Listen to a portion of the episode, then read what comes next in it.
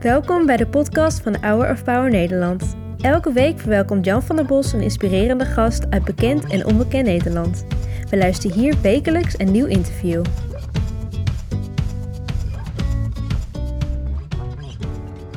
Henry, daar zitten we dan, van het orgel naar de stoel. Ja. Je was niet achter het orgel vandaan te slaan. Nee, dat is een zwakke. Ik, als ik een kerk zie en een orgel, dan moet het gewoon even. En dan zit er iets onbeheersbaars in mij dat ik denk, dat, dat moet gewoon even gebeuren. Ja. Ja, Nou, we hebben genoten van je orgelspel. We gaan straks nog een keer genieten. Je bent een van de meest sympathieke Kamerleden. Dat wordt steeds over jou gezegd. Maar Grunberg zei ook eh, in de krant, nou, eh, hele sympathieke vent. Eh, iedereen houdt van Henry Bontebal, maar ze stemmen niet op hem. nog niet. Ah, kijk, ja. Ja, en eh, nou ja, Grunberg heeft ook niet altijd de waarheid in pacht, eh, zou ik zeggen. Het is in ieder geval al een mooi compliment dat ze je niet de meest onsympathieke politicus vinden. Dus dat vind ik al een winst, want er is heel veel eh, ehm, nou, gedoe en haat en nijd soms, eh, lelijkheid. Dus als men zegt dat, dat, ik, dat ik fatsoenlijk ben en, en sympathiek, dan vind ik dat niet erg. Ik wil natuurlijk ook het CDA terugbrengen. Dus ik hoop dat het meer is dan sympathie, maar dat ook mensen de boodschap die ik probeer uit te dragen naar het CDA ook gaan omarmen. Dat is natuurlijk mijn missie voor 2024. Ja, dan zitten er veel toneelspelers in de Tweede Kamer. Ben jij er ook een van? Ik kan heel slecht eh, toneel spelen. Ik wil dat eh, als ik bij vrienden of familie ben, dat ze niet iemand anders zien dan als ik in een debat sta of op televisie eh, ben. Dus ja, er zijn twee dingen die ik vrij ingewikkeld vind. En dat is, nou ja, toneel spelen, dat kan ik niet zo goed. Ehm, en, en ook de onwaarheid spreken vind ik ook erg, erg ingewikkeld. Dus ik heb me maar gewoon voorgenomen om mezelf te zijn en de waarheid te spreken. Dus je houdt je aan het derde van het tiende gebod. Dat probeer ik wel, maar ik ben ook maar een kwetsbaar mens. Dus ik zal al ook mijn fouten Ja. hebben en maken. Ja, want aan de ene kant zeg je, ik ben heel doelgericht, ik ga recht op mijn doel af. Eh, en dan denk ik, ja, maar politiek is altijd schipperen. Dus hoe, hoe breng je die twee samen? Ja, ik denk dat het kan, kan samengaan. Dus politiek is niet altijd schipperen. Je kunt ehm, je idealen overeind houden, wat je wil bereiken. Ja. Hè, dus dus ehm, ik zeg heel vaak, ik wil meer gemeenschapszin in Nederland. Dat we dingen als waarden en normen weer belangrijk vinden. Maar je wil ook iets bereiken in de politiek. En soms kan het dus zijn dat je ergens een compromis sluit om een stukje dichter bij je doel te komen. Moet je het wel uitleggen. Uh, betekent niet dat je je idealen hebt verlogend, maar dat je ook snapt dat de werkelijkheid soms niet in één keer uh, ja, beweegt richting de idealen die je hebt. Dan moest vijf van je grootste idealen, heel kort. Nou ja, vijf, het is wel veel. Um, als ik een analyse maak, ook, ook bijvoorbeeld van de verkiezingsuitslag, um, er is gewoon eigenlijk toch een soort eenzaamheid in de samenleving. Mensen voelen zich um, ja, niet meer gedekt door anderen, niet meer, zijn geen onderdeel meer van de gemeenschap. Uh, soms is die een, eenzaamheid heel duidelijk aanwezig. Hè? Oudere mensen die gewoon echt, dat je ziet dat ze een sociaal netwerk missen met ook alle problemen die dat oplevert. Maar er is ook bij jongeren best wel veel eenzaamheid. Hè? Een enorme prestatiedruk, de druk van social media, uh, aan een bepaald beeld moeten voldoen. Ook jonge vrouwen, die, uh, je leest ook dat daar best wel wat mentale problemen zijn. Ik vind dat enorm, ja, um, daar word ik somber van. Dat ik denk, hoe kunnen wij nou een samenleving hebben gecreëerd waarin we ontzettend welvarend zijn met z'n allen. Um, uh, we zijn wetenschappelijk heel ver. Uh, we zijn nog een van de meest innovatieve landen ter wereld. En, en zeven, toch en missen we die ge ja. gemeenschapszin. Ja, maar hoe kan dat dan? Want we zijn zevende op de ranglijst van gelukkigste mensen ja. ter wereld, landen ter wereld. Ja. En toch is er denk ik ook iets van um, uh, dat die welvaart ons blijkbaar niet alles brengt. Uh, je zou kunnen zeggen dat er ook een, een, zingevingscrisis is, denk ik. En dat heeft denk ik ook heel erg met die gemeenschap te maken. Vroeger waren mensen onderdeel van een gemeenschap, een geloofsgemeenschap ja. of een andere gemeenschap. Of ze hadden idealen, die, die, die, een vorm van gezond nationalisme. Hè, dus opkomen voor je land en niet het ongezonde, zou ik dan zeggen. Maar er, er, was iets, mensen hadden het idee dat ze onderdeel van iets groters waren. Ja. En nu hebben heel veel mensen toch het idee dat ze er alleen voor staan. En als dan ja, de hele wereld af, op je afkomt via de televisie. Ja. Je ziet de ellende in Israël en in uh, Oekraïne. Um, en je ziet ook onzekerheid op de, op de woningmarkt en op de arbeidsmarkt. Uh, en um, je hebt het niet heel goed. Ja, wie is er dan nog voor jou? En ik denk dat, dat, dat, dat ja, daar dat een deel van de onvrede uh, ook uit voortkomt. Daar zou ik op willen inhaken, want Jezus uh, was een dienend leider. Dat maak je heel duidelijk, dat wil ik ook zijn. Een ja. dienend leider. Welke lessen trek je uit het leven van Jezus? Want hè, als we het hebben over mensen aan de zelfkant van het leven opzoeken, of de eenzame, ja. dan was dat eigenlijk zijn credo, toch? Ja, ehm, altijd oog houden voor de, de meest kwetsbare. Dus de meest kwetsbare heeft altijd een streepje voor. Dus eh, ja, eh, de gelijkwaardigheid van alle mensen. Ja. Maar je ziet toch dat als Jezus moest kiezen, voor wie kwam ik op, dan ging hij toch naar degene die het uiteindelijk het meest in de knel zat. En dat vind ik ook een belangrijke rol eh, voor de politiek. Dus als wij beleid maken, dan tuurlijk moeten wij bedenken van, is het voor zoveel mogelijk mensen zo goed mogelijk? Maar toch moet je ook altijd bedenken, ja, en de meest kwetsbaren dan? Ja. Kunnen die wegkomen Ja. hiermee? Eh, helpt het hen echt? En dat vind ik een opdracht ook aan, eh, Ja. aan christelijke politiek. Ja. Dus Jezus straalt, denk ik, een, een, een vorm van, van naaste liefde, van opoffering eh, voor de ander uit. Maar er zit ook in sommige Bijbelverhalen ook iets van ehm, het een ander niet, ehm, niet erg de maat nemen. Een verhaal als, als ehm, eh, Jezus en de overspelige vrouw, in Johannes 8 is dat geloof ik. Er zijn er allemaal mensen die die vrouw veroordelen, die er ook omheen staan. Ze hebben allemaal de wet en de Bijbel en de Torah aan hun kant. Maar uiteindelijk veroordeelt Jezus die vrouw niet. Hij, zegt, hij kijkt alleen naar de toekomst en zegt, gewoon leid in de toekomst een goed leven. Maar er zit geen oordeel over haar verleden. En dat vind ik ook een eh, ontzettend mooie eigenschap. Dat is, die vergeving is ook altijd toekomstgericht. En, en, en nou, dat probeer ik ook eh, mee te nemen. Mijn mensen zijn kwetsbare mensen, maken gewoon ook fouten. En juist deze samenleving waarin we steeds tegen elkaar vertellen dat we zoveel vrijheid hebben. Die, deze samenleving is soms heel onbarmhartig naar mensen. Hè, dus dat als mensen een misstap begaan, dan wordt het ze jarenlang nagedragen. En dat vind ik fascinerend, omdat ik denk, ja, juist dat, dat, dat christelijke, dat helpt ons ook om gewoon af en toe te snappen, we zijn kwetsbare mensen. En je krijgt vergeving en dan ga je gewoon weer door. Dat vind ik mooi. Want de Bijbelse opdracht die Jezus ons meegaf was: heb je naast zo lief als jezelf. Ja. Kun jij dat 100% in de praktijk toepassen? Ik niet. Ik ben eh, gewoon een mens die eh, ook zijn gekkigheden heeft. Eh, Welke gekkigheden dan? Dat, dat ga ik jou niet vertellen in deze uitzending. Nee. Nou, ik ben bijvoorbeeld wel erg ongeduldig. Dus ehm, dat is een, een eigenschap waar ik vaak baat bij heb. Ja. Want het brengt je ook ergens, Ja. maar er zit ook een schaduwzijde aan. Niet iedereen kan hetzelfde tempo bijbenen. En dan denk ik, ja jongens, hup, door. Ehm, Ja. Dus heel doelgericht en ook wel erg eh, ehm, ehm, ongeduldig. En ja, de- bijvoorbeeld in de opvoeding is dat soms eh, ingewikkeld. Als ik jouw jongens hier zou hebben zou ik, en zou vragen: is papa een goede vader voor jullie? Wat zouden ze dan zeggen? Ik denk toch dat ze dat zullen zeggen dat ik dat wel ben. Dan zou je moeten doorvragen. Als je zou vragen, eh, wat moet papa beter doen?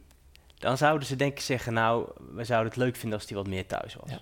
Dat, dat zouden ze denk ik eh, dat is wel een ver, verrek moeilijke keuze, hè? Van, eh, de- Ja, de- en daar de- voel je je soms ook schuldig over. Ja. Daar ga ik ook eerlijk over zijn. Dat, dat, dat, ja, als je dan eh, soms wel eens thuis komt en, eh, en, en ja, dan loop je naar boven. En die twee jongens slapen dan al. Eh, maar goed, je probeert het ook go- goed te maken in het weekend. En ook af en toe bij reces. Dus probeer ik ook wel wat extra te investeren. Ik kijk zelf wel heel erg ook naar het, naar het, naar het samenspel eh, eh, met mijn vrouw. Ik ben heel erg blij met mijn vrouw, die ook gewoon veel oppakt. En als Ja, je vrouw Je doet het jouw, echt samen. Jouw vrouw is eh, degene die jou corrigeert.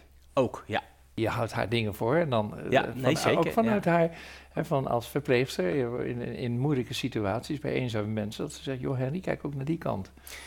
Eh, ja, politiek is best wel een, kan een giftige omgeving zijn. Dat, wat- dat, dat maakt mensen vaak niet mooier. Heel veel mensen ook willen iets van je. Ja. Dus je kunt, je, je kunt zelf gaan denken dat je heel wat voorstelt. En sommigen denken dan dat op na een heel aantal jaren dan ook. Het is heel fijn als je een sterke omgeving en- Ja. om je heen hebt. Dus een partner die ehm, je gewoon bij de grond houdt, eh, je corrigeert. Ehm, medewerkers die dat doen, die gewoon recht in je gezicht durven zeggen wat wel en niet goed is. Broers en zussen. En gelukkig heb ik die kritische omgeving in ruime mate. Kijk, Eh, en dat helpt heel erg. Dat, dat relativeert heel erg. En ehm, eh, eh, ik, wat ik nu doe, kan ik ook echt niet doen als mijn vrouw niet zou steunen en eh, zo betrokken zou zijn als dat ze het nu was. mooi. Je bent opgegroeid in een diepgelovig gezin. Ja. Eh, zondags twee keer naar de kerk, de psalmen zingend, Ja. op oude berijming. Ja. Eh, sommige mensen op jouw leeftijd zeggen dan, oh jongens, die, die, die zware opvoeding of die, die zware kerkgang, daar heb ik helemaal niks meer mee. Hoe kijk jij daar tegenaan? Ik kan me dat goed voorstellen. Eh, maar ik denk dat het heel erg afhangt of je door al die entourage en dat, dat grote stuk traditie wat daar vaak zit, ehm, of je daar doorheen wel de, de liefde hebt gehoord.